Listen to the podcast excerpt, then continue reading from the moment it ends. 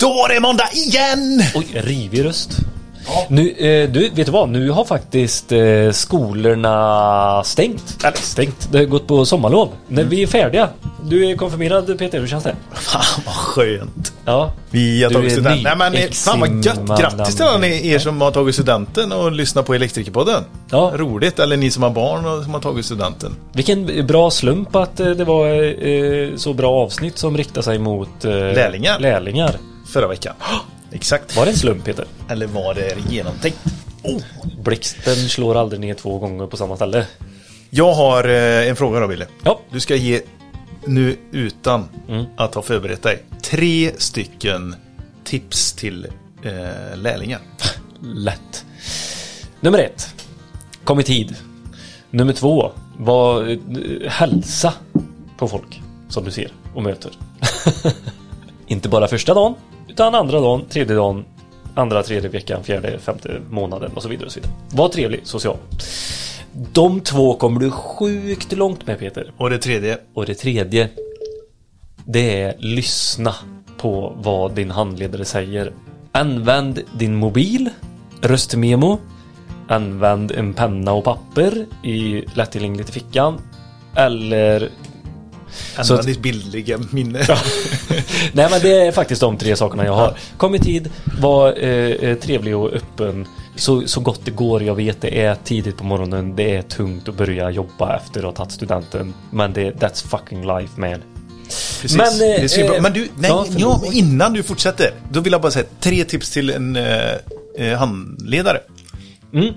Kom ihåg hur det var eh, när du kom ut. Allt var nytt. Och sen så bygg på successivt ditt... Eh, mm, att, alltså din krav, din kravlista liksom så här var förväntningar. Alltså ha inte för höga förväntningar på din lärling. Det Är det nummer två eller? Ja, Ja. precis. Så kom ihåg eh, din egna lärlingstid. nummer två är ha inte för stora förväntningar. Och nummer tre, var lite skön. Mm. Då, då har du ett radarpar framför dig. Ja. Gött. Ni kan få en rolig tid ihop, låter det som. Skitkul, det är svinroligt. Den första tiden när man får lära, lä, lära känna sin första eller sin lärling så här och Ja. du vet man börjar hitta det här snacket, man eh, har skoj, man kan köra lite med varandra, lärlingen börjar köra lite med dig, du vet så här.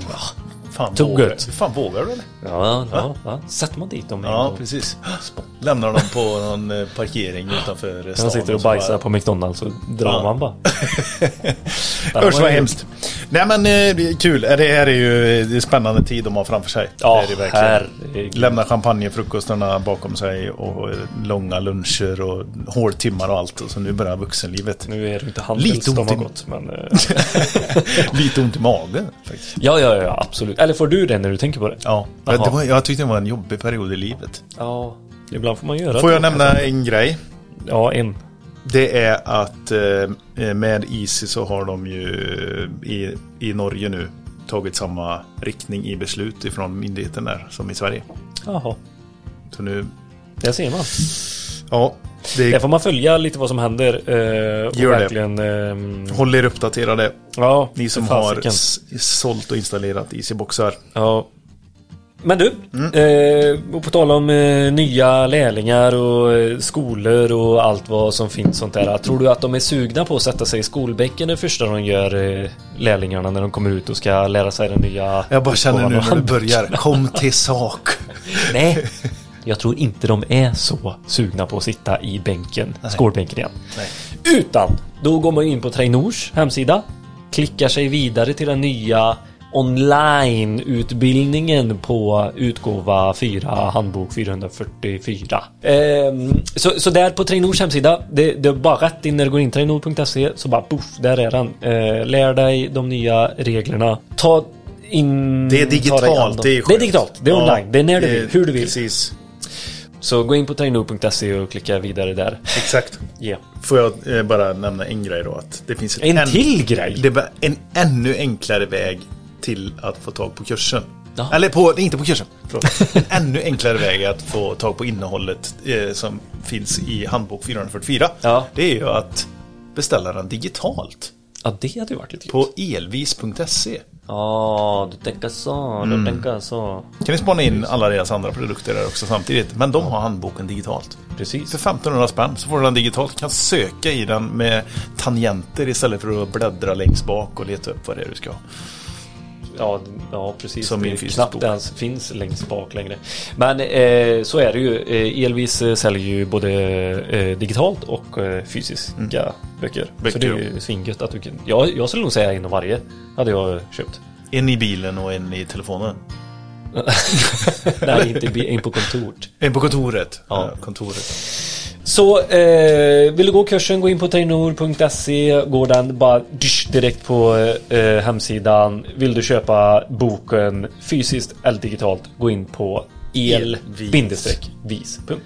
Det är Teknikmåndag. Åh, äntligen. Ja. Jag säger det. Äntligen kommer det. Får jag ledigt. Ja. Vad är det vi ska lyssna på då, Billy? Vi ska faktiskt eh, prata om eh, UPSer och generatorer. Dieselgeneratorer och, och, och, så vidare med UPS-teknik För i mig är Kungälv. det ju ett varumärke som har funnits med hur länge som helst. UPS. Ja, UPS-teknik. ja Ja exakt. men det är ju här i Västsverige. Mm. De är jättestora. Eller jättestora, men de, är- de är stora här i, i, i på västkusten. Mm. Eh, och eh, jätteduktiga framförallt. Brinner verkligen för sitt yrke och för sin nisch som de har hittat här då. Ja. Eh, Gunnar som grundar detta, han är ju lite mer mek än vad Mikael är, men båda superduktiga på sina områden. Mikael mer UPS, eh, Gunnar mer på eh, generatorer. Spännande. Så, ja, ja, skitkul. Inte varje dag vi snackar om detta precis. Nej det är det inte du. Eh, och, eh, men det blir mer och mer aktuellt. Vi, pratar ju, eh, vi har ju pratat lite så här lagringstekniker och allt sånt där. Och, Jag förstår ju knappt skillnaden. Så här, ett batteri och en UPS. Nej. Nej, men det får Det- vi lyssna på i avsnittet. Får antar. Du ska lära dig ett och annat. Ja, det får jag göra då. Ja. Ta hand om er där ute Ja. eh, och framförallt ta hand om varandra. Ta hand om era nya lärlingar och njut av sommarvärmen. Ha det gött allihopa! Hej! Hej! Om el, om el, en podd som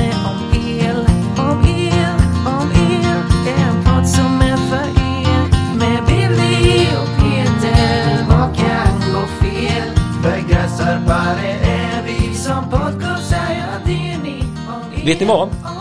Jag, eh, innan vi kickade igång vårt samtal så glömde jag säga en sak i vårt försnack som kommer på måndag. Det var att eh, Lindholmens tekniska gymnasieskola i Göteborg söker akut med ljus och lykta efter eh, en eh, yrkeslärare till deras eh, el och energiprogram. Så är man intresserad av det jobbet då ska man höra av sig till eh, Katrin Gelverot och eh, helt enkelt eh, söka den här platsen. Hä- härligt ändå att jobba med gymnasieelever, framtidens elektriker. Absolut, Det måste ju vara något eh, som är kul. Alltså verkligen få vara med och bidra till det. Ja, eh, det om det. Skicka DM till oss eller hör av er eh, direkt till eh, eh, Lindholmens tekniska gymnasium. Får, man får googla lite. Jag kan inte sitta här och säga exakt vad ni ska göra. Hela tiden. Google är bra. Ja, Google är bra. Dagens ämne, alltså jag, eh, jag är lite eh, exalterad, lite pirrig. Jag tycker det här ämnet är någonting som jag har längtat efter att få spela in. Och efter vårt eh, försnack i eh, måndags, tisdags någonting, då bara så, ah, vilka härliga gubbar jag ska åka och träffa också. Gunnar och Mikael på UPS-teknik i Kungälv. Välkomna in i podden. Tack så mycket. Tack så mycket. Roligt att vara här. Ja, superhärligt att ni är med. Något som slår mig är att Gunnar, du, du heter Vidal och Ja. Mikael heter Ejdal. Måste man heta något med dal för att vara i... Vi har ju en säljare som heter Hemdal också så det är Ja. lite av ett tema men eh, det är inget krav. Nej, eh, exakt, exakt. Ja, men eh, Gunnar Vidal, du är grundare till eh, UPS-teknik. Ja, stämmer. Grundade år 2002. UPS-teknik. Härligt. Eh, Startade själv och idag är vi ju några fler medarbetare. Så det är en väldigt rolig utveckling tycker jag. Ja, och vilket, alltså nu, vi sitter här på ert kontor i Kungälv, så fint alltså. Shit, det är jättefina lokaler och mycket teknik som är här runt omkring. Ja, det bara går och kliar i fingrarna när vi går förbi så här. Ja, vad gör ni det? Ja, vi testar en växelriktare. Ja, vad gör ni det? Ja, vi testar ett BMS-system. Ja, vi testar eh, batterier och ja. Jo, men vi gillar ju teknik här och vi får Ja. också en hel uppskattning faktiskt för våra lokaler. Många tycker att det ser eh, seriöst och, bra ut. Det är ju viktigt, ett viktigt första intryck. Helt Ja. Ja men verkligen. Hur firade ni 20-årsjubileumet? Ja, men vi firade ju faktiskt både lite internt först med personalen och sen bjöd vi in en hel del eh, kunder hit också. Så att, Ja. eh, det var väldigt eh, trevligt faktiskt. Pompa och ståt. Ja, det får väl lite får man allt fira. Ja, Ja, absolut. Finns det en anledning att fira så ska man göra det. Ja men det, det är så eller? Ja, absolut. Men eh, eh, är det en stolthet du sitter med här idag också Gunnar? Ja Liksom, men var det är klart att jag sitter med en jättestolthet. Absolut, så är det ju. Jag har ju hållit på med UPS sedan eh, 97 nu så man har ju samlat på sig mycket eh, information och kunskap om både kunder och produkter. Och, och att kunna eh, föra detta vidare inom företaget till medarbetare och speciellt då till Mikael eh, är ju eh, Ja det är en stor stolthet, definitivt. För Mikael, du är ju eh, VD. Ja, just det. Precis. Jag är vd sedan förra året då. Jag började ju som servicetekniker på UPS-teknik 2003. Så jag har ju också varit med ganska länge. Det blir 20-årsjubileum för mig personligen i år då. Så att, eh, Eh, och, var du första anställd eller? Ja, det kan man väl säga. Ja det kan man säga. Ja. Ja, ja, ja. ja. Ja. Snyggt. Så att, eh, nej men det är jättekul och det är en, det är en roliga produkter att jobba med. Det är, det är ett eh, väldigt roligt företag att jobba med. Vi är ett eh, bra gäng som försöker göra riktigt bra jobb ute hos våra kunder och eh, har höga krav på oss från kunderna och försöker leva upp till dem verkligen. Eh, Leverera bra produkter med bra servicetjänster kopplat till dem. Så att eh, det är jättekul. Har ni lika höga krav på er själva liksom internt också? Att, eh, för jag ser ju det är ju bra ordning och reda här överallt och kontroller och som sköts till punkt och pricka liksom så här. Jo men vi försöker ha en, en väldigt hög nivå vad gäller allt. Att eh, vi försöker ha kvalitetsarbete som en, liksom en röd tråd som löper eh, från leveranskontroll och vi gör mycket tester här som du nämnde och eh, ute hos kunderna gör vi också väldigt mycket tester och kontroller för att se till att de här säkerhetskritiska anläggningar många gånger är vi är ju ute på industrier och sjukhus och det kan ju vara stora ekonomiska värden som våra utrustningar ska skydda eller i värsta fall människoliv då så att eh, det är väldigt viktigt att, eh, att allting fungerar till punkt och pricka liksom. Ja, vet ni vad? Vi ska ju lära oss massa om eh, UPS och reservkraft idag. Vilket känns asspännande. För jag är ganska dålig på det. ganska dålig, jag är, jag är dålig på det. Så kan man säga. Så jag tänkte så här, vi ska börja med lite terminologi som vi kommer säkert nämna här under avsnittet när vi pratar om eh, just hur man bygger upp de här systemen och vad man ska tänka på. Så jag har skrivit upp lite saker som vi ska gå igenom tillsammans innan vi kickar igång. UPS Uninterruptible Power Supply, alltså på svenska då avbrottsfri strömförsörjning. Ja, det är inte svårare än så. Nej. Mikael, du kunde det utan till. Eh, eh, reservkraft då? Ja, reservkraft är väl mer ett samlingsord för ett dieselaggregat. Ja. Och det är väl det som de flesta egentligen känner till. Eh, man vet det att eh, ett sjukhus har ett dieselaggregat. Försvinner strömmen så startar ett dieselaggregat. Men eh, dieselaggregatet tar ju en 10, 20, 30 sekunder på sig att starta upp. Precis. Och en UPS ser ju till att leverera kraften däremellan då.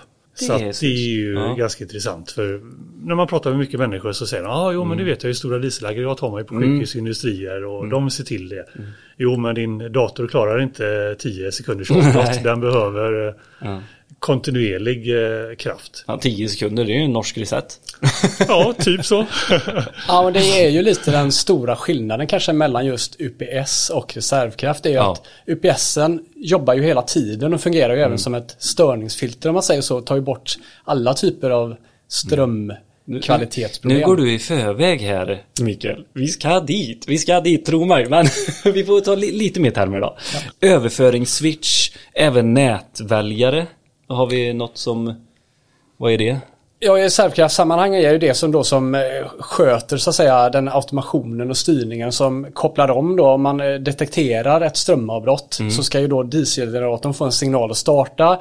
Den ska komma upp i varv och så vidare. Sen ska man ju då koppla in eh, lasten, alltså fastigheten eller vad man nu har, eh, mot den kraftkällan istället för eh, mot det ordinarie nätet så att säga. Så den, den, ser, den känner också av frekvensen, synk, eh, synk, eh, Ja, det, frekvensen är i synk exakt. och sen nu kan vi gå på nätet och så av och så.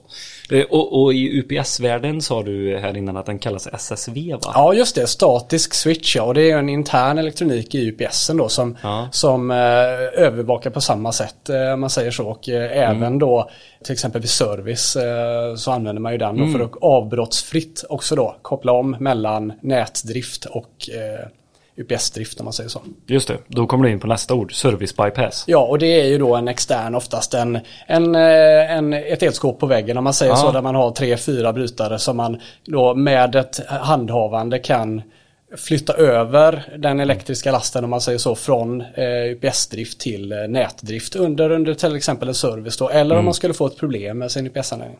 Viktigt att ta dem i rätt ordning. Det är ju A och Ja, verkligen. ja. Själva brytarna är ju väldigt viktigt att manövrera i, i rätt ordning. Ja, så att, eh, absolut, det kan ju få stora konsekvenser om man inte gör det på rätt sätt. Ja, det Absolut. kan smälla lite. eh, och sen har vi en plus ett konfiguration. Ja, det är något det- helt nytt för mig faktiskt. Men eh, Och det är ju i UPS-sammanhang då till exempel om man har en, en, man vill ha en redundant lösning, det vill säga man vill ha mer än en eh, säkerhet om man säger så. Att eh, till exempel om man har två UPSer, ja då kan en stycken gå sönder så att säga. Och om man har en plus ett då, då kanske det är modulbaserade system, till exempel att man har eh, effektmoduler som är 20 kilowatt styck och eh, man har en last på 100 kilowatt och då klarar man så att säga att en modul går sönder och då kan lasten fortsätta försörjas. Och eh, i vissa fall kan man även byta dem där under drift då så att säga. just det. Va, va, va, varför är det en som är Niklas plus ett? Ja, en är ju bara ett, en benämning för antal helt enkelt då. Så att då i, i praktiken så kanske man har fem plus ett eller någonting då. Då det fem Ja. aktiva moduler och en reservmodul om man säger så då. Så en är ett pe- per, prefix eller vad heter det? Ett prefix kan man Prefix, säga. Precis. Ja. Ja, för ord vi slänger oss med, va? Vilka ord. Eh, och så har vi notslut och ATS. Ja just det och det är ju den här eh, också då i reservkraftssammanhang då den här eh, automationen som ser till att när spänningen kommer tillbaka då eh, man, om man har haft ett längre strömavbrott så vill man ju då att, eh, att reservkraften ska stoppa på ett snyggt sätt och att lasten då ska kopplas över. Det beror Till normaldrift. Till liksom. normaldrift ja, precis. Ja. Japp, okej, så det är det. Så, så man har både en nätväljare eller den här... eh, eh, eller är det, är det automatisk? Man, eh, ja, man kan väl tänka lite grann. eh, Vi har ju en del eh, ingående delar i UPSen. Det är ju Ja. en likriktare, växelriktare och statisk switch som är interna funktioner i växel eller i UPS-systemet. Ja, Sen har vi en extern bypass till UPSen. Vi har en extern, oftast då nätväljare till reservkraften.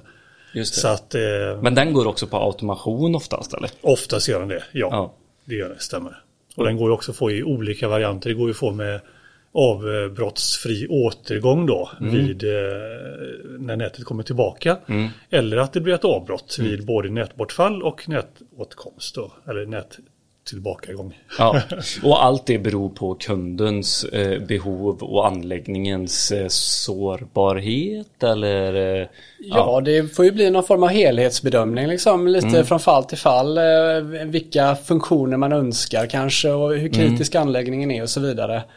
Kombinationen UPS och reservkraft är ju då bra då för att då kan man ju överbrygga den här tiden som det tar för reservkraften att starta och om man inte har en avbrott återgång så kan man ju även överbrygga den tiden då. Den är ju oftast ganska kort, bara någon sekund eh, så vitt jag vet. Men Ja.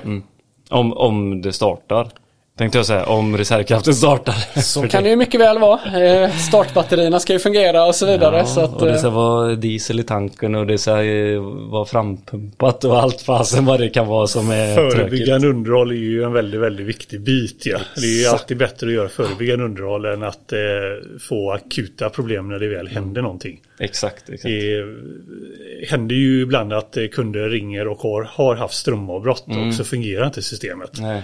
Och så har det ju i själva verket varit trasigt kanske i flera månader men det är ingen som har eh, märkt det. Uppmärksammat eller Och de har haft flera månader på sig att att reparera. Eh, Så att eh, förebyggande underhåll är ju väldigt, väldigt viktigt. Ja. Helt klart. Till, till, sist men inte minst, BMS.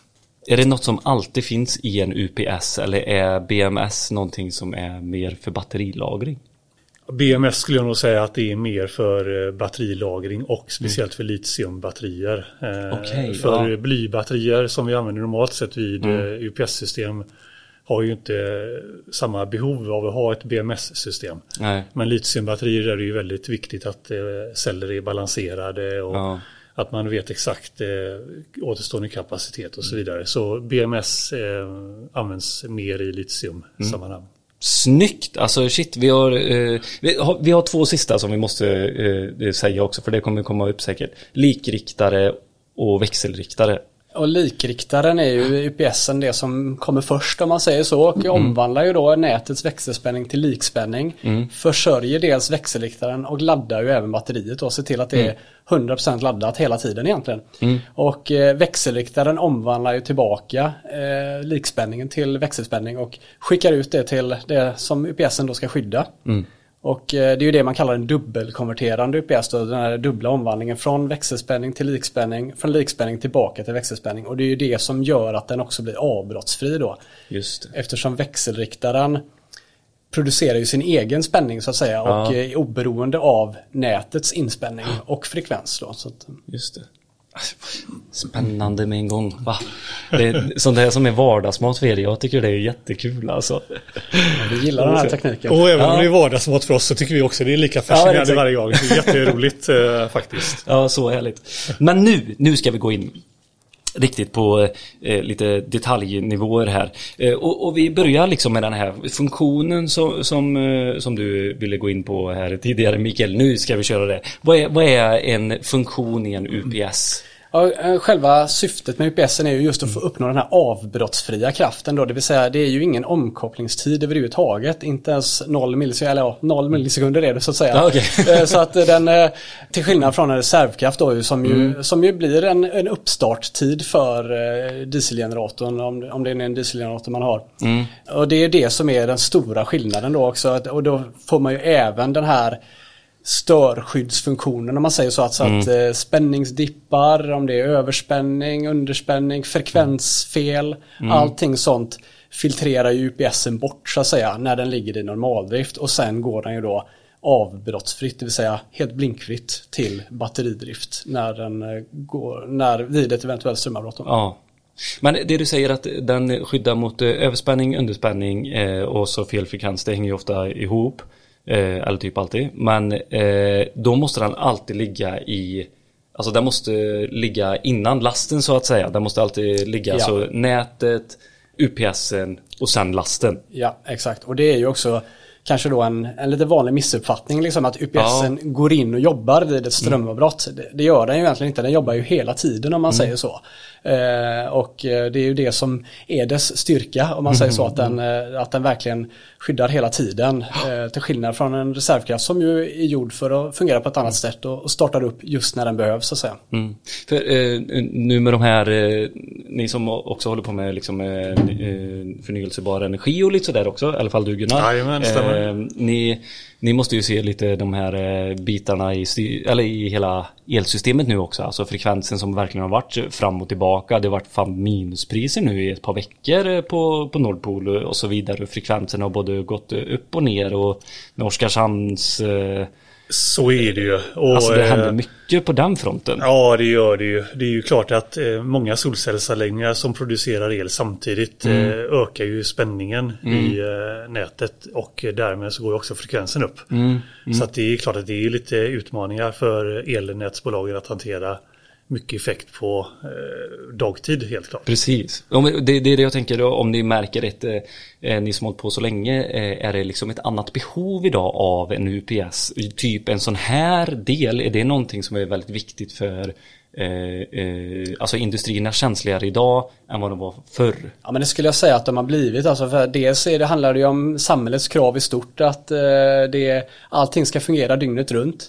och eh, sen så är det ju mer känsliga IT-utrustningar och så vidare. Man är väldigt beroende ute på industrierna av att eh, datasystemen fungerar för att kunna eh, tillverka vad det nu är man tillverkar så att säga. Och eh, Men du har ju en bra historia Mikael. Det Mm. var ju en kund som du pratade med som undrade varför de hade UPS. Ja, Den precis. Vi var ju på ett sjukhus när jag var ute och jobbade som servicetekniker och vi var där och skulle göra service på UPSen som står där oftast Mm. nere i källaren och gör ju inte mycket väsen av sig. Det är oftast bara vi som kommer ut en gång per år och tittar till den.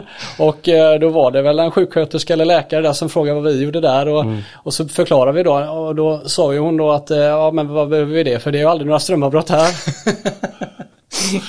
Ja, det är bra. Ja, den är ju underbar. Gjorde du en high five då med henne och bara... Ja men då, det tog vi ju ändå som ett ganska gott kvitto på att eh, vi har ändå gjort vårt jobb bra då så att säga.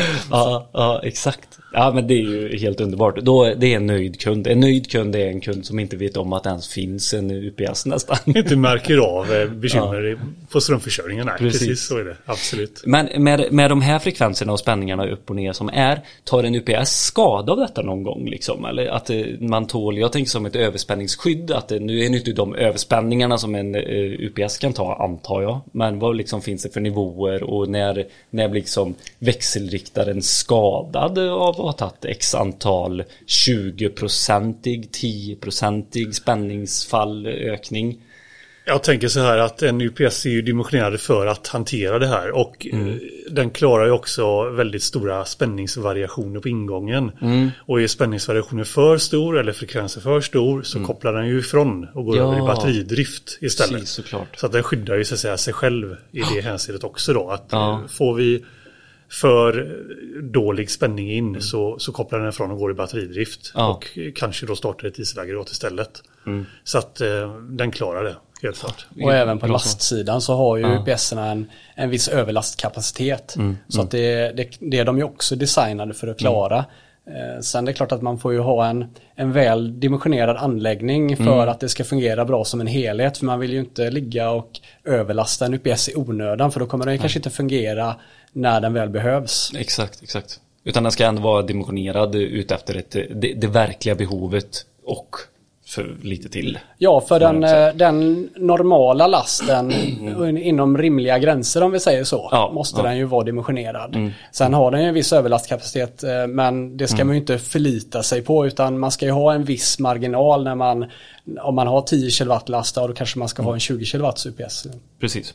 Men eh, jag tänkte att vi ska gå in på lite, eh, lite på batterierna. Det är ju ändå där någonstans eh, vi har eh, liksom UPSen är ju som ni säger består utav eh, eh, likriktare, växelriktare och sen eh, liksom den här switchen och, och det då. Men grunden är ju batterierna. Det är ju där liksom säkerheten ligger också och Absolut, det. energin att få ut.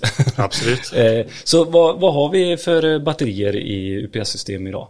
Det absolut vanligaste är ju fortfarande blybatterier. Mm. Ventilreglerade blybatterier. De kan ju vara inbyggda i UPSen eller de kan stå på eh, skåp eller på rack Mm. vid sidan av så att säga. Det skulle jag gissa att det fortfarande är 95% av anläggningarna som har den typen av batterier. Mm. Sen förekommer det även fritt ventilerade blybatterier. Det är ju alltså som man fyller på vätska då. Mhm, okej. Eh, Nickel-kadmiumbatterier är ju en annan batteriteknik. Mm. Väldigt väl beprövad. Eh, funkar väldigt bra driftsäkra. Mm. Ganska dyra och ganska bökigt underhåll. De har väl sina nackdelar där. Ja. Men är ju extremt driftsäkra. Mm. Och, och vad, innebär när, det, när ett batteri är extremt driftsäkert? Vad liksom är det man mäter i driftsäkerheten då?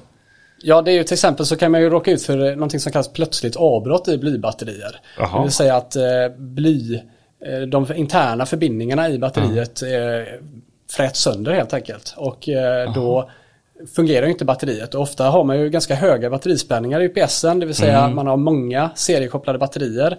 Och då räcker det ju egentligen att en enda cell i ett enda batteri har avbrott. Så Mm. kan man ju inte utnyttja batterikapaciteten överhuvudtaget, även om de andra cellerna Mm. är bra.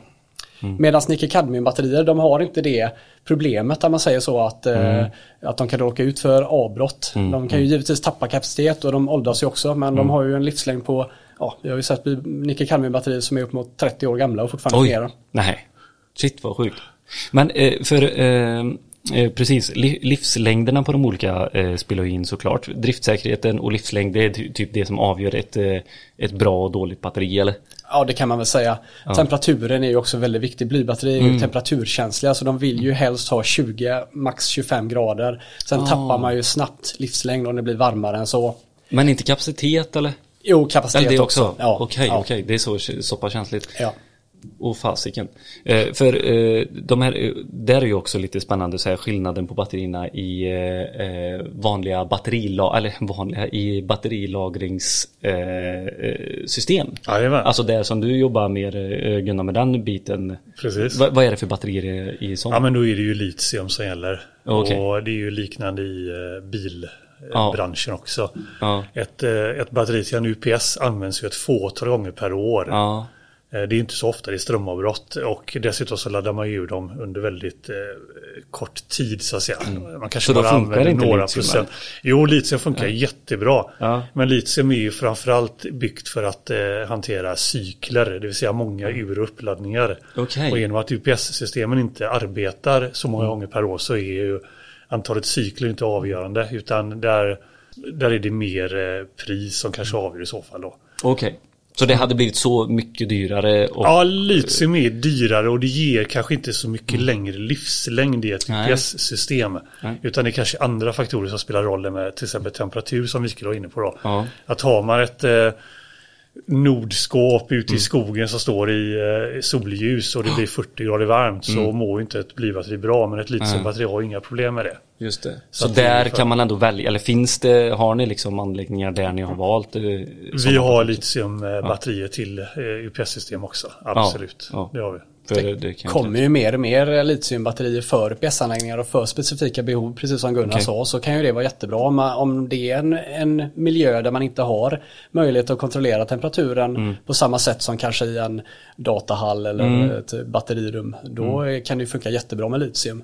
Litium har ju också fördelen eh, att den är mer energikompakt, om man säger så. Eh, Precis. stora anläggningar så stora kanske rum. det oftast inte är ett problem men ibland kan det ju vara det och då kan ju också litium vara en bra lösning. Man får mer batteritid i samma plats som man har ett datarack eller vad det nu kan vara då. Har det hänt eh, någon gång att ni, när ni har byggt sådana här system och så har ni glömt att lägga AC-källan över UPS? och att det, Ofta då om, det, om man vill prata större anläggningar så kanske man lägger den på reservkraften då för att man Ja, inte precis. man, man accepterar att, att kylan stannar under en kortare period. Men Ja. visst, det har ju funnits kunder som har missat det, absolut. Ja. Det har också funnits ganska många gånger kunder som är väldigt måna om att få igång UPSen men de kanske inte har fått igång kylan. Nej, och då blir det ju fort varmt och då tar man ju på livslängden på batterierna. ja, ja. Ja, Jo, men det, är ju, det gäller ju att koppla rätt. Alltså, Ja. Så är det ju. Jag har ju också ett eh, projekt för, det här var många år sedan, men Mm. där gjorde vi mätningar på en UPS och så helt plötsligt så gick eh, strömmen upp 10 ampere. Och det tyckte kunden var jättekonstigt Mm. för att det ska ju vara en konstant strömförbrukning på UPSen. Så, och jag sa att jag vet ju inte vad det beror på utan det får ni ju forska vidare på själva. Jag kan ju Mm. bara mäta mina mätvärden. Och eh, de återkom ju efter några veckor och hade de gjort en stor utredning på detta då. Det var en Mm. industri. Och det visade sig att det var kaffebryggaren uppe i kontrollrummet som de hade lagt på UPS. Så när de körde kaffebryggaren då gick strömmen upp 10 ampere. ja, Sen så gick den ner igen. Ja. Så det var ganska roligt faktiskt. Och det, det drar sig osökt in på just eh, laster. Hur ska man tänka det som eh, elektriker, eh, eller som mot sina kunder, så här, vilka laster ska man lägga över UPS och vilka ska man absolut inte lägga över UPS? Och även vilka, eh, beroende på syfte kommer ni säga. Eh, och då vill jag veta så här, där UPSen eh, eh, är i ett reservkraftsystem och där UPSen är för kritiska delar då, typ så här. Ja men UPSen eh, kan ju försörja de flesta typer av laster eh, om de är viktiga och vi har ju exempel på kunder som har det till till exempel motorer också. eh, portar och så vidare. Och Ja. eh, det, det går ju bra om man dimensionerar utifrån det men då får man ju vara extra noggrann att man, att man verkligen tänker till så att startströmmar och sånt går att hantera. Ja, annars så är precis. ju det typiskt någonting som man inte vill lägga på UPS-kraft. Det är ju kanske då motorer eller skrivar eller hissar. Mm. Exakt. Jo, och det är just för det som du säger, startströmmar. När det blir Ja. sådana liksom... För det, där eh, räcker ju inte UPSens kapacitet till om man säger så. Den, är Nej. ju, den fungerar ju som bäst när lasten är ganska konstant. Men Mm. den, är ju, den klarar ju att hantera startströmmar också om man dimensionerar den ut efter det så att säga. Mm, mm, mm, precis. Jo men så är det, är det till exempel en elmotor Mm. eh, så kan det ju vara 6-7 gånger märkeffekten Mm. vid startögonblicket. Så det gäller ju att ta med det i dimensioneringen. Mm. Eh, så att inte den ställer till mer problem än vad gör nytta då helt Mm. enkelt. Vad Är det lättare att eh, sätta in eh, en eh, UPS i befintlig anläggning eller eh, vid ny produktion? Det var en väldigt bra fråga. Jag skulle säga att båda har väl sina utmaningar. Eh, Sätter du in i en befintlig anläggning då har du en befintlig installation och det kan ju vara svårt att veta exakt vad som hänger på den. Men då kan du mäta också? Det, Alltså, kan man, eh, det kan man göra och det kan ju vara en fördel då givetvis. ju. Medans Förutom när- sådana som kaffekokare och Ja men lite så, vet. då måste man ju mäta över tid eh, Ja. såklart. Och det kan ju röra sig om dagar, det kan röra sig om månader. Ja. Så att man vet eh, vad som verkligen Eller till och med ett år. nätet. att man vill ja. se hela cykeln. Alltså, Jajamän. beroende på vinter, sommar eller mitt Jag hade ju en annan kund som eh, de hade fått en precis en ny sån här eh, redundant anläggning då med dubbla UPS och de var väldigt nöjda. Sen så ringde de ett par dagar senare och var jätteförbannade för att de inte, den inte fungerade som de skulle, larmade och hade sig. Men det visade sig att det var en snickare som var där och kopplat in en cirkelsåg på UPSen. det klarade den inte heller av. Okej, ja vad roligt. Men eh, så då laster är liksom helt beroende på, men behöver man, ehm, är det olika typer av UPS beroende på vad det är för olika typer av laster? Eller handlar det i mer eller mindre om effekten och storleken på UPSen? Det handlar nog framförallt om effekten och sen är det också givetvis batteritiden. Ja. Att man också dimensionerar batteriet utifrån ett, eh, ja, det man har nytta av så att säga. Man ska ju givetvis inte ha för mycket batterier men man får ju ha en batteritid som är dimensionerad utifrån den effekten som man förbrukar så att säga. Så att man, Ja men eh, behovet. Jag vet Ja. Ica, eh, vi hade några Ica-butiker och då hade de att eh, kassorna skulle funka i 20 minuter för att de skulle, de, vid eventuellt strömavbrott eller något sånt där så skulle de bara kunna checka ut de som var igång så att säga. Ja. Förstår ni? Så att det är så här, ja men och då räknar de med att 20 minuter håller typ i kassorna. Och ett sånt behov är det som man får kolla på också. Ja exakt och ibland kan det ju finnas eh, lagstiftning också om det gäller nödljus till exempel så ska det ju kanske vara 60 minuter. Och Sjukhusen Precis. har ju ofta krav på ibland 2, 3, 4 timmar beroende lite på vad det är. kan ju vara olika in, även inom samma sjukhus beroende på vilken verksamhet det är. Mm, mm. Vad, vad, jobbar, eh, vad är det för spänning eh, man jobbar med vid eh, lite, nu blir det lite större UPS då?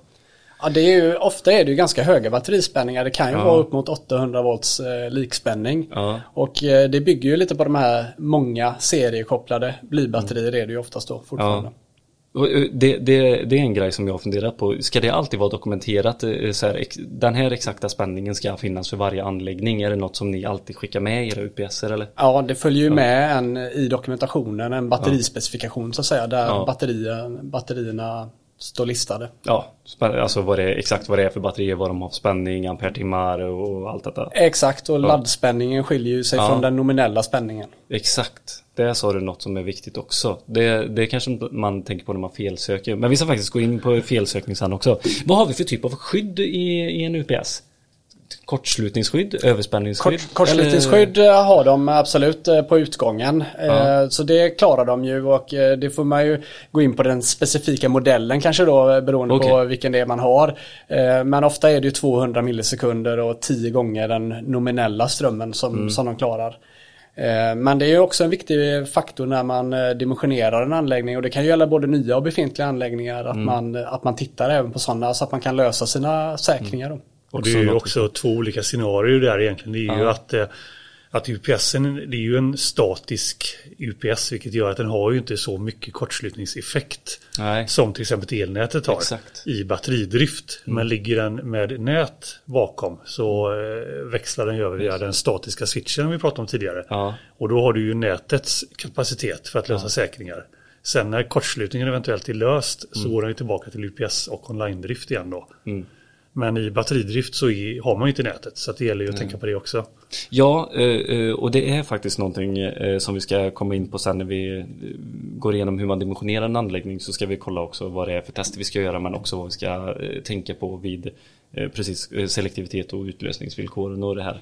Eh, eh, Men eh, så inga speciella skydd liksom. Det är inga lagar och regler att det ska finnas eh, eh, så som vi har liksom, ni vet jordfelsbrytare, DC-övervakning, kortslutning, överlastskydd, eh, allt det där liksom. Det, utan de, de är CE-märkta och eh, då är det med den här SSV-switchen så är det liksom, det är Ja, det som är. det finns ju en standard som UPS-erna är byggda enligt och uppfyller den dem så uppfyller den ju kraven. eh, Ja. Eh, Styr, styrsystem. Eh, tänker jag på. Finns det olika så här eh, att det ska vara uppkopplat och, och allt det här? Hur, vad har vi för olika bitar? Ja, det här? finns ju då, dels finns det ju potentialfria läkontakter nästan alltid då. Man vill ha eh, larmutgångar till sitt eh, fastighetssystem. Mm. Eller vad det kan vara. Saftblandare på utsidan. Det förekommer, absolut. Det, förekommer, är en del kunder som vill ha det. Eh, kanske säkerhetsbranschen och sånt. Mm. Att de vill ha så tydlig signal som möjligt så att säga. Där det finns dygnet runt verksamhet också då. Det gäller ju att man kan agera på det där larmet också då. Mm, mm. Eh, Men sen eh, även givetvis eh, webbkort som man kan övervaka via nätverk, UPS-erna. Mm. Tele, 3G. mm, Det finns också, inte så vanligt förekommande men Nej. vi har sådana lösningar också. Ja, kanske mer när det är ut, långt ute i Tjotahejti som man har sådana Absolut. Ja. Ja men övervakningen är ju viktig såklart. Ja. För att eh, får man ett strömavbrott så vill man ju veta att man har en viss tid på sig och kanske återställa eller stänga ner eller vad man nu ska göra. ja, men precis. Eh, och just då om grejerna skulle gå sönder så eh, vill man ju veta att den är trasig innan man får ett strömavbrott. För det kan väl vara en sån grej att blir det eh, strömavbrott och du står vid en maskin till exempel och du märker inte eftersom UPSen är där och det är superbra men du vet också att okej nu ska jag stänga ner den här maskinen kontrollerat om inte strömmen kommer tillbaka inom 30 minuter då vet jag att då blir min eh, eh, liksom eh, CNC-maskin eh, kanakas om inte jag stänger ner den på rätt sätt.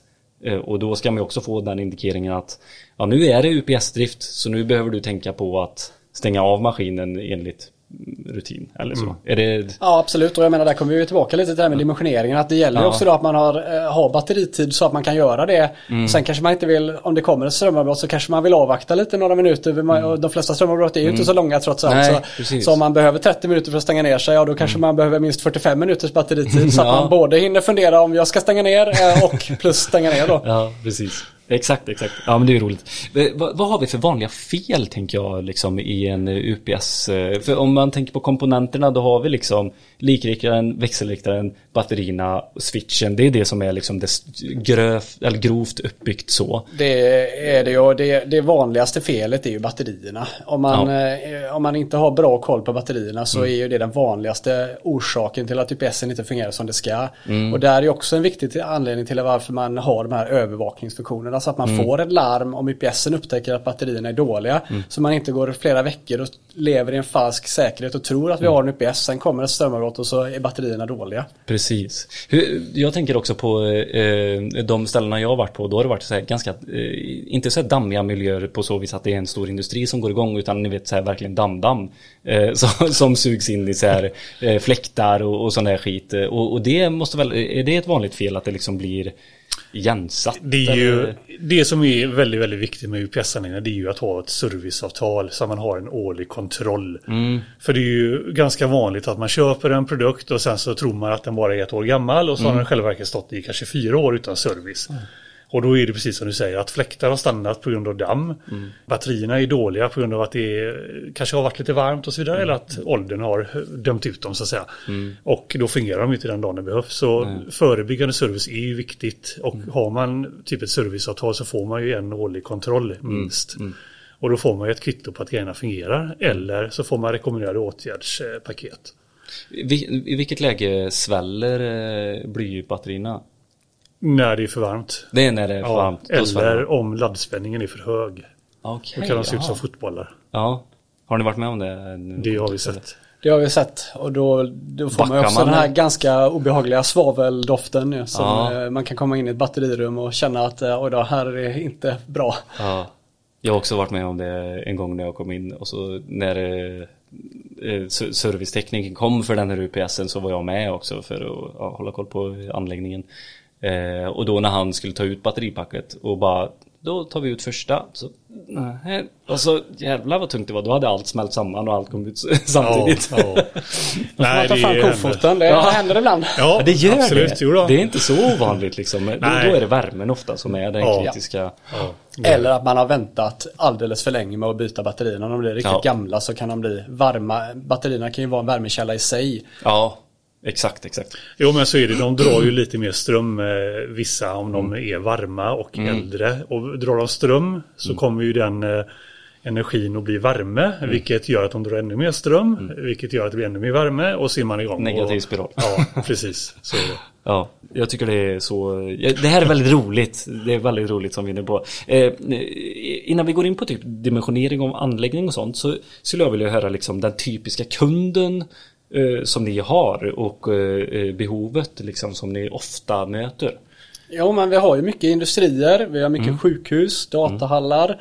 Men eh, alla möjliga egentligen eh, privata bolag eh, som, som har behov av säker strömförsörjning. Det är ju som vi var inne på tidigare, det är ju dagens samhälle så är det ju krav på att allting ska fungera dygnet runt och då blir det ju många olika typer av verksamheter som egentligen behöver det här. Säkerhetsföretag, larmfirmor, Fartyg. fartyg. Har ju också stort behov, ja eh, såklart. Och det kan ju vara allt från säkerhetssystem, men Ja. det kan också vara kassasystem Ja. på fartygen. Så klart, det är ju också viktigt att Precis. eh, taxfree fungerar och att folk kan betala. Det, finns det något viktigare?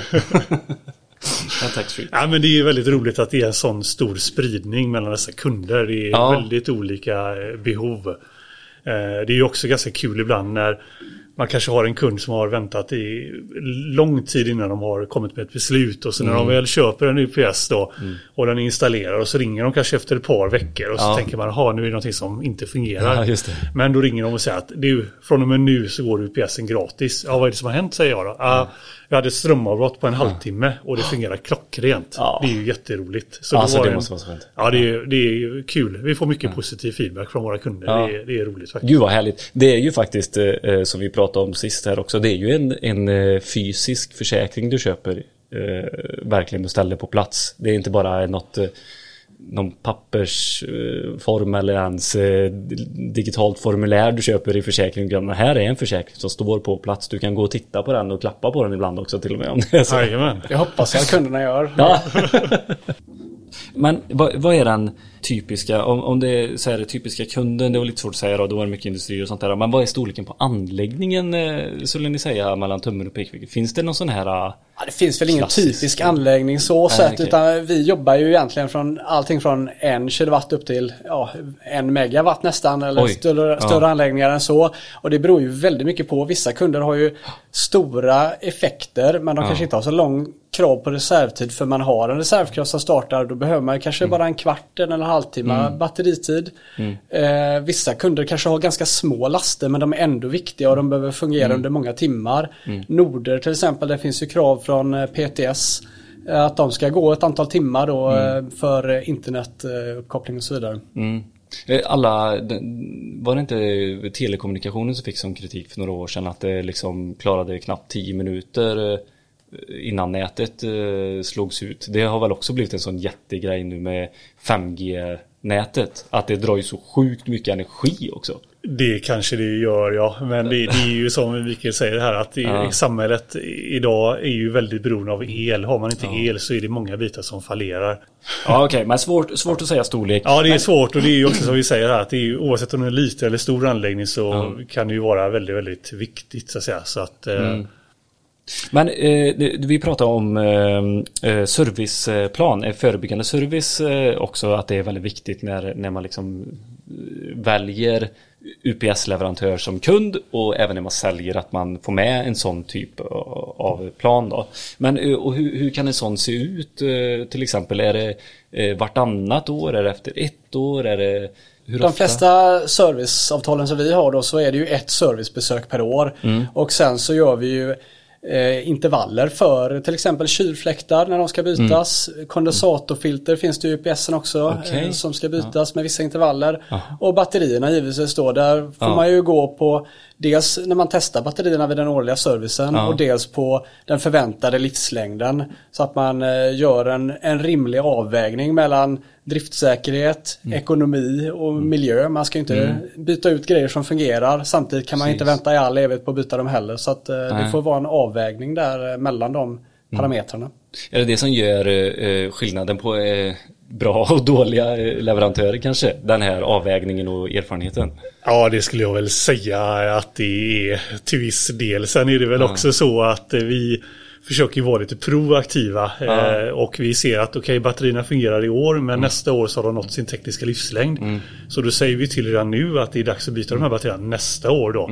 Och då kan de lägga in det i sin budget vilket är också väldigt uppskattat istället för att komma nästa år och säga att ja, nu kostar det 150 000 att byta batterier och så har de inte de pengarna i budgeten. Exakt. exakt. Så att eh, Det är ju snyggt. Är Service är så. ju en väldigt, väldigt viktig bit eh, för oss och våra kunder. De förväntar sig att få en service snabbt när det väl händer grejer och vi finns där och ställer upp. Mm. Eh, så är det. Eh, Men elektriker som eh, är där ute, så många som lyssnar, som säkert har mycket kunder med reservkraft, både vad det gäller dieselaggregat och UPSer. Hur mycket tycker ni att man ska göra själv om man inte är så erfaren?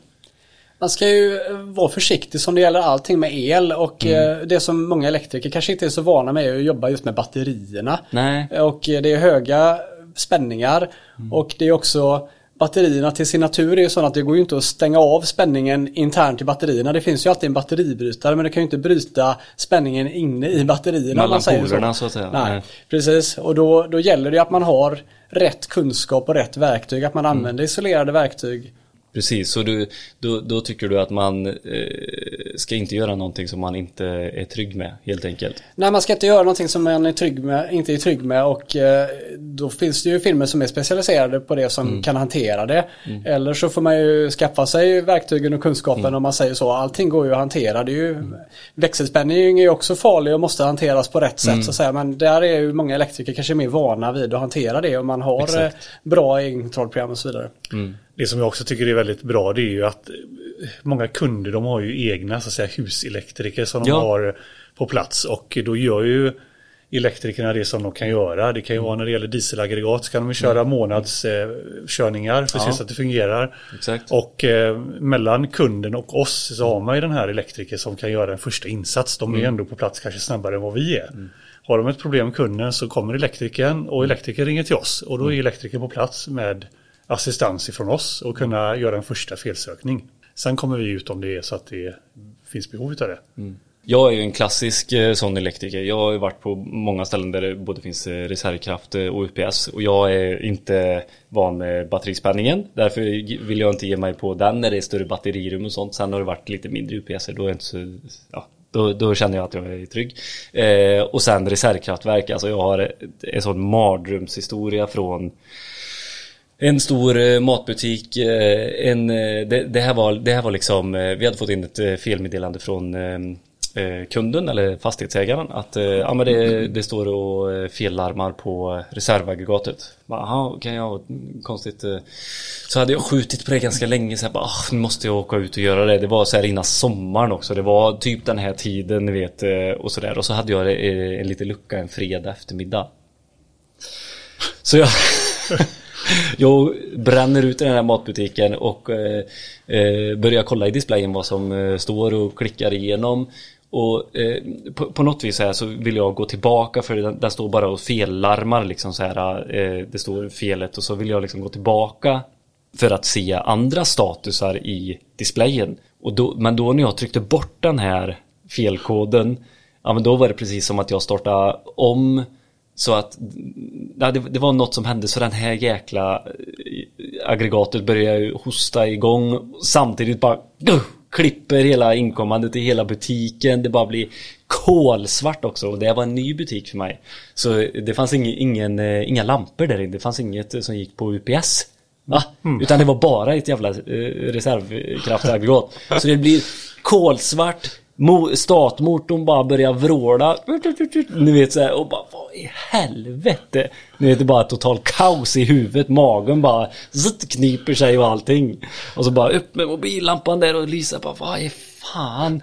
Och sen till slut när han hade provat några cyklar så eh, så så, dung, så gick det tillbaka till huvudet eh, eh, matningen och eh, sen så kom det upp samma felkod Samma felkod. och upp kom butikschefen och frågade vad i helvete jag höll på med. ja, nej, jag kollar lite här eh, bara så, så här se. Och äh, fy fas, alltså det var, det var inte kul alltså. Eh, Och det var verkligen ett sånt fall där jag säger, ja, men jag ville se vad, vad är problemet men jag kan inte lösa det. Och då ringde jag eh, den leverantören på Ring en vän. Ring en vän, ring ja. aggregattillverkaren och sådär. Och då, vad, hade, vad gjorde jag för fel? Vad skulle ni säga? Ja, det är ju väldigt svårt att säga men det, det illustrerar ju lite ändå principen att det är väldigt viktigt att man tänker på sådana bitar att det finns driftinstruktioner om det gäller en reservkraft eller omkopplingsinstruktioner om det gäller en VPS. Så Sådana parametrar är ju lika viktigt egentligen som att kvaliteten på grejerna är bra liksom för att det, ju, det ska ju fungera i många år. Det kan ju hända väldigt många olika saker under den tiden och kommer det ut någon som, som du i det fallet då, så då, då gäller det att det finns en tydlig instruktion vad ska jag göra liksom. Det är ju, det är ju jä- jätteviktigt. Ja, herregud. Jo, men det är, instruktioner är superviktigt. Eh, Tydliga instruktioner på vad man ska göra. Sen är det ju också kanske bra att välja sina tillfällen. Om man inte är riktigt, riktigt säker på vad man gör så ska man ta kanske ett tillfälle och, och så prata med kunder och säga att nu kommer jag greja här och risker finns ju för att det händer saker när man grejar med sakerna. Vi gör ju, eh, ja, vi gör ju eh, över 1500 servicer årligen. Jäklar. Och det betyder ju såklart att vi gör ju mycket manövreringar och vi letar ju fel. Och det gäller ju att kunderna är medvetna om att vi är där och grejar och det kan Ja. hända saker. Så är det. Normalt sett händer ingenting men det kan hända saker. Vi letar ändå fel. Ja. Eh, Jag har ju också en annan historia, en kort historia från eh, många, många år sedan eh, där jag var nere i en kulvert källare och gjorde service på en, en ja det var inte på ett sjukhus, nu sa jag kulvert här men det var inte på ett sjukhus utan det var en, ett företag. Och manövrerade UPSen och gjorde batteriprov och allting och så precis när jag lägger tillbaka anläggningen så blir det strömavbrott. Och då fungerar ju allting precis som det ska för jag hade ju precis kopplat tillbaka så att eh, det var ju bra. Så går jag upp och, och pratar med kunden då och då säger de ja jo för sjutton det åskar ju för fullt här på utsidan. Och det hörde ju inte jag när jag var nere i källaren. Och det har de ju inte sagt till mig och då vet de ändå att jag är där och gör service. Nej, För att det är ju ett sånt tillfälle där det kanske är bra att säga det. Det det åskar ute. Vi kanske inte ska göra service Exakt. just nu. Men då gick det ju bra så det var ju käckt. Ja, ja. Men eh, Okej, så det är också bra tips. Inte göra service med eh, peltokåporna på så du hör Oskar. så kan det vara i världen absolut. Ja, är det ju underbart alltså. Ja, vi ska, nu ska vi gå in på eh, eh, hur man ska tänka på eh, eh, vid, vid en dimensionering av en anläggning. Hur, hur tänker ni eh, dels vid en befintlig och vid en eh, ny anläggning då? Ja men vid en befintlig är det ju kanske lättare ur den synvinkeln då att då vet man ju lasten som du sa man kan mäta innan. Eh, Och man kan ju även dimensionera utifrån den befintliga anläggningen då om man, om man vet att man har en eh, 20 kW UPS och det har funkat bra i många år, ja då kanske man ska fortsätta med det. I en ny anläggning där får man ju räkna lite på vilka laster det är. Och eh, man, får ju, man får ju ta i lite där så att man inte hamnar för lågt givetvis. Samtidigt så får man ju försöka vara lite försiktig så att man inte överdimensionerar heller. För det är ju dumt ur eh, ekonomi, ekonomiskt perspektiv att köpa en för stor UPS och eh, man får ju även mer förluster då. Eftersom UPSen ligger inne hela tiden så har man ju alltid en viss eh, förlust i den här omvandlingarna och eh, det, det. påverkas ju mycket av storleken på UPSen framförallt. Mm. Har, ni- har ni eh, system som ni räknar i där ni lägger in laster och så vidare och förväntade toppeffekter och... Ja, exakt. Det är ju så man får räkna. Ja. Eh, Så man, och där får man ju dimensionera efter den högsta tänk, tänkta toppeffekten. Eftersom eh, det måste UPSen kunna klara då. Och sen när man räknar re- reservtid så får man ju räkna på att den genomsnittseffekten är ju det som kommer gå från batteriet under ja, en timme eller vad det nu är man vill ha för reservtid. Och då får man ju dimensionera batteriet Dels antalet batterier styrs ju oftast utifrån eh, vilken UPS-modell det är man har tänkt sig. Och dels eh, kapaciteten eh, i ampere-timmar beroende på hur mycket batteritid man behöver. Precis. Men, jag använder ju jättemycket elvis vid kabeldimensionering och sånt och, och uppbyggnad av liksom anläggningar. Kan ni, använder ni av elvis också eller?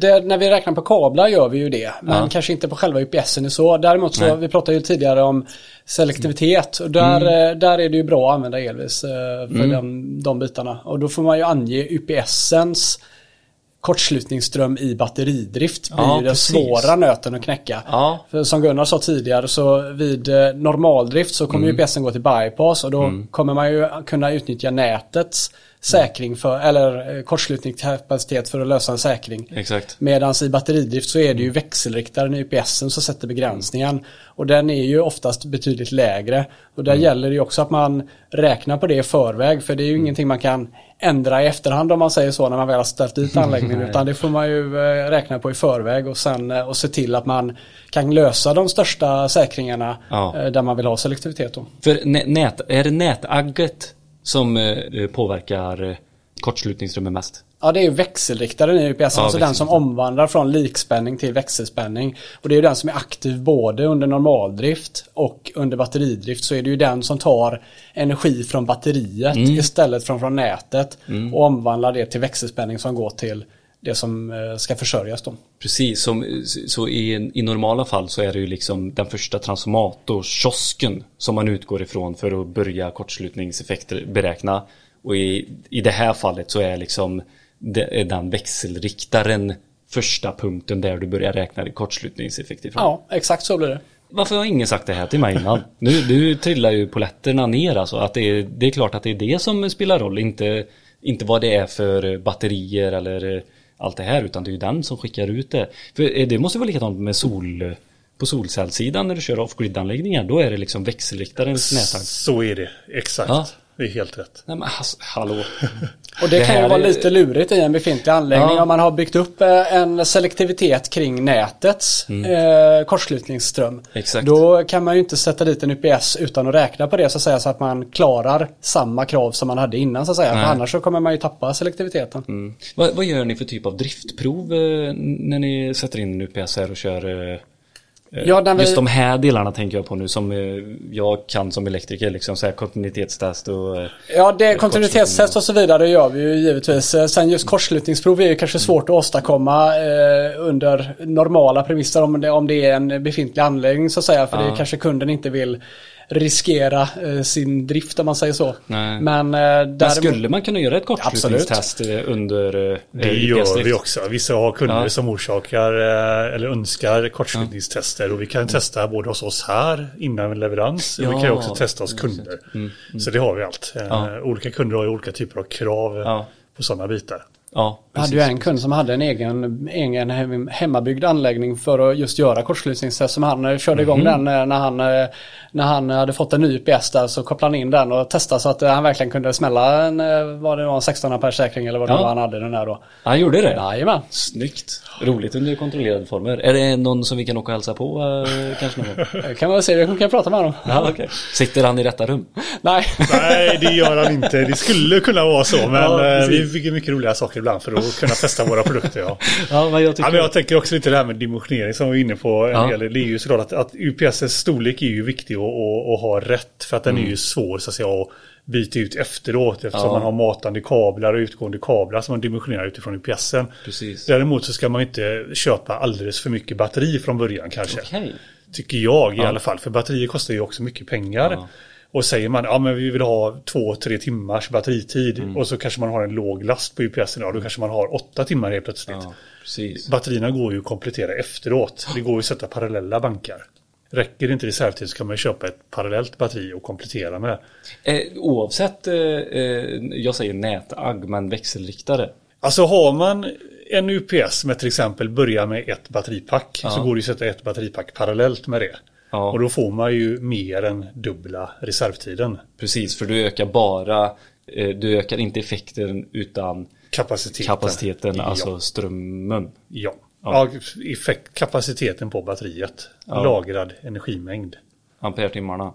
Ampertimmarna ja. Men inte... Eller kilowattimmar. Precis, kilowattimmar. Men eh, så, så det har, eh, spänningarna blir de samma Ja, precis. Batterispänningen är samma om man lägger parallella. parallellt. Ja. Ja.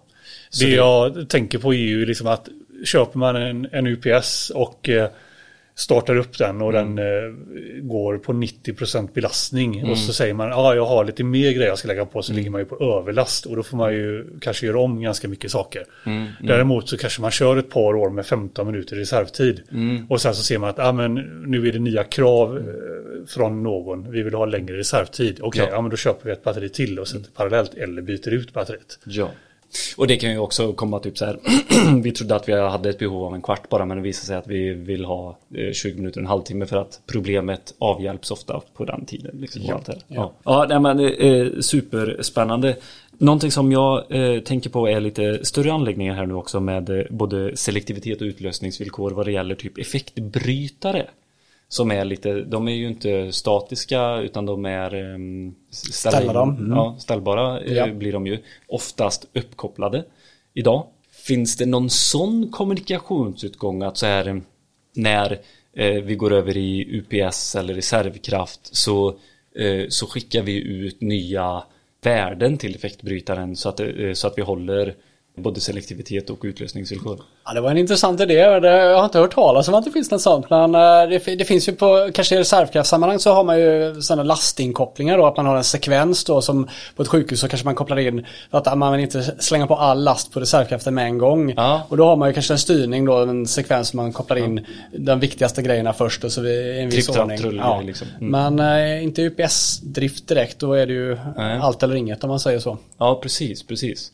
Behöver man tänka på något speciellt där? För jag, det, det jag har läst, eh, och eh, nu går jag lite utanför eh, min kunskapsnivå här också. Men det är att man ska kolla så att det är en ACB-brytare eller MCC-B-effektbrytare. Att det är viktigt att det är... Och va- varför är det viktigt att kolla det?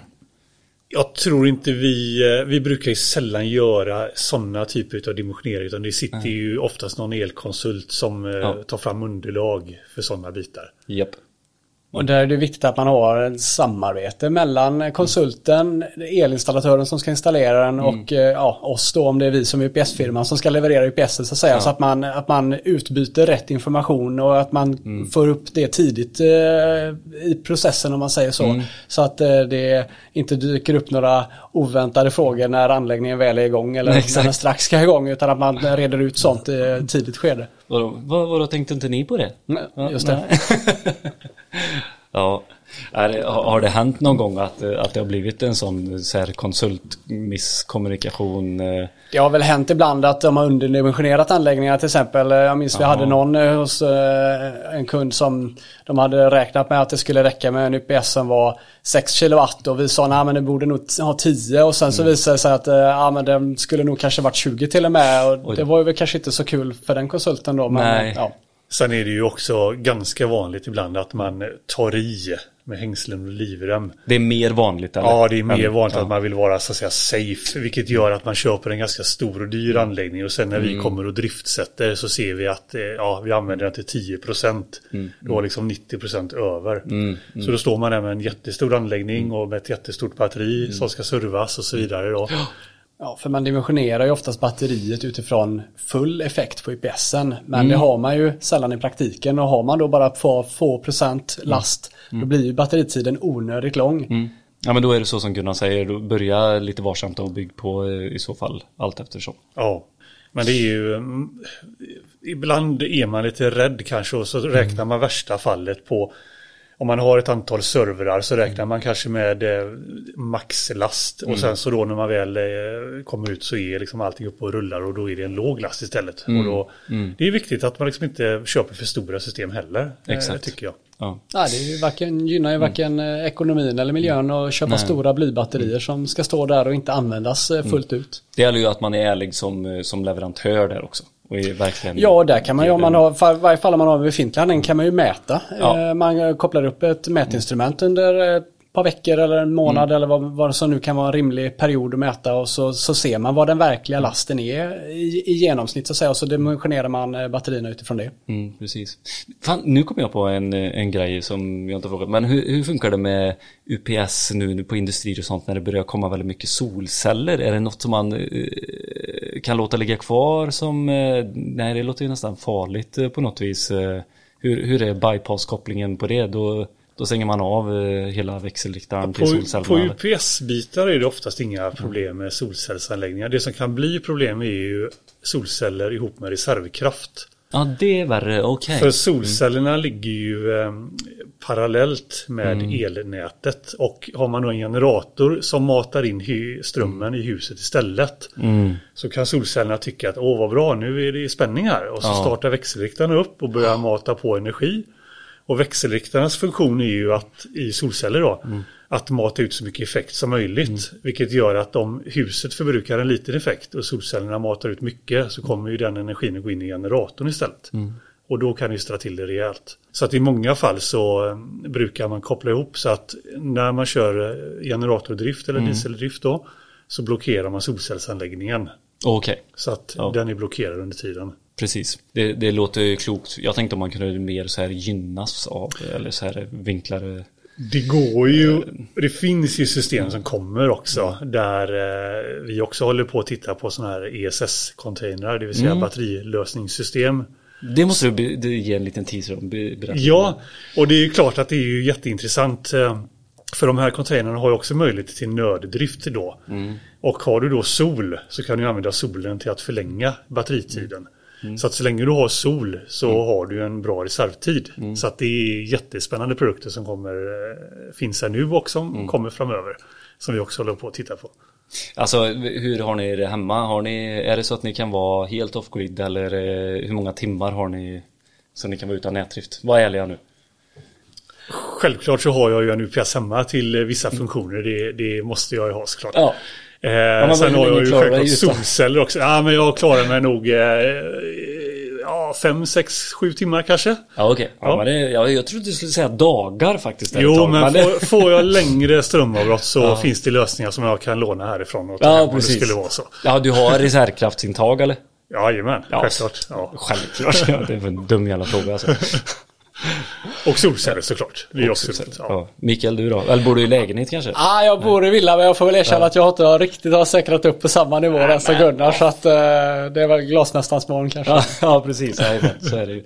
Men eh, eh, någonting som eh, vi inte har gått igenom eh, nu när jag tänker efter Det är ju eh, jordtag, eller hela den här biten Men där, eh, det blir ju aldrig att man bryter det naturliga jordtaget som finns Antar jag eller? I en UPS-anläggning så är ju det sällan ett problem för där använder man ju så att säga den befintliga ja, femledarmatningen elektroniskt. från cellverket eller sådär då. Men i en reservkraftanläggning kan man ju absolut behöva titta på jordtag eh, om det, om det är typ ödrift då. Mm. För, just för att man måste klippa hela, hela eh, femledar eller fyrledarsystemet då va? För att inte mata ut någonting någonstans Ja, man Ja. måste ha jordtag till eh, reservkraft Ja. oftast om det inte finns. Ja exakt, Just för exakt. att skapa säkerheten helt klart. Ja. Ja. ja men det, sånt gör ni också eller? Ja, det är ju våra kära elektriker som okej. eh, gör det då. Så våra samarbetspartner gör Ja. den biten. Mm. Vi eh, gör ju oftast vi gör ju vissa installationer själva men Mm. oftast så är det ju samarbete med någon elektriker som utför installationen och då ser de till att det finns jordtag och Mm. ser till att eh, säkringar och allting är rätt och riktigt, kabeldimensioner och så vidare. Även om vi kan precis. tillhandahålla uppgifterna så att säga. Ja, ja. Ja men det, det låter betryggande. Det låter som en härlig partner att ha. Så är Fasen det. vad kul! Alltså eh, bra avsnitt idag grabbar. Är det, är det något ni känner att vi inte har varit inne och nosat på som ni liksom säger, ah, vill prata lite mer om det här. Vi har inte varit jättemycket inne på eh, aggregat, dieselaggregat och sånt. Men jag känner att vi, vi får nästan lämna det lite till ett eget avsnitt också. Det kan vi ta på ett eget avsnitt, Ja. absolut. Och då ska vi nästan ha med någon eh, mekaniker också som kan prata om beståndsdelar och smö- Ja men det är mycket Och, saker att tänka på där med Ja. avgaser och bränsle och... ja. Vet, vet du vad vi säger i, i podden? Det är mycket med det elektriska. Det är mycket med det elektriska. Ja, Ja, det är precis. mycket roligt med det elektriska också. Det är det också. Och det skapar ju mycket möjligheter. Ja. Och det är, ju, det är ju väldigt roligt att få feedbacken från Mm. kunden när grejer fungerar och används Ja, eh, såklart. Va? Precis. Eh, och även på solcellssidan är det ju också väldigt spännande att Mm. Ja. folk följer produktion via sina appar. Ja, och kan se precis. att man laddar sin elbil med så att säga gratis solel då. det är häftigt. Ja, det är häftigt. Teknik är roligt. Vi ska säga så här också. Vi har ju en eh, YouTube-kanal som vi eh, lägger ut eh, på lite titt som tätt här nu. Och vi har väldigt mycket studiotid och lite det här när vi går igenom lite ellära och grejer. Men även också nya produkter från våra samarbetspartner och andra leverantörer. Och vi ska ju göra något litet kul eh, tillsammans tänkte vi ju här till, till hösten i alla fall. Kommer vi kunna lägga ut det tror jag förhopp- förhoppningsvis innan vintern. Så vill säga, vi spelar in det till hösten och så hoppas vi att vi kan lägga ut det. Ja, men det ser vi fram emot att visa upp en av våra anläggningar. Ja, det ska bli jättekul och då, då tänker jag att vi kan gå igenom lite de här delarna som vi har pratat om också som man ska eh, tänka på. Do's and don'ts för elektriker utan sen det här behöver vi ta över kan ni säga och så vidare. Ja. och då kanske vi kan få se containern också Gunnar. Förhoppningsvis så har vi containern här då, eller det har vi, den är på väg. Den så att är vi, på vi har spännande grejer på gång här som vi kan visa upp. Absolut. Superhärligt. Alltså tack så jättemycket för att jag fick komma hit. Tack för att vi fick vara med. Det var bara bra frågor. Ja men härligt. Jag kommer jättegärna tillbaka om jag får. Du är välkommen. Ja, det är bra. Men har ni några mer frågor så får ni skicka in dem nu i efterhand och, och så kan vi ta det i ett uppföljningsavsnitt helt enkelt. Tack så jättemycket för idag. Nu går vi ut och njuter av 30 grader varmt och eh, sol. Gör vi. Tack. Tack så mycket. Hej.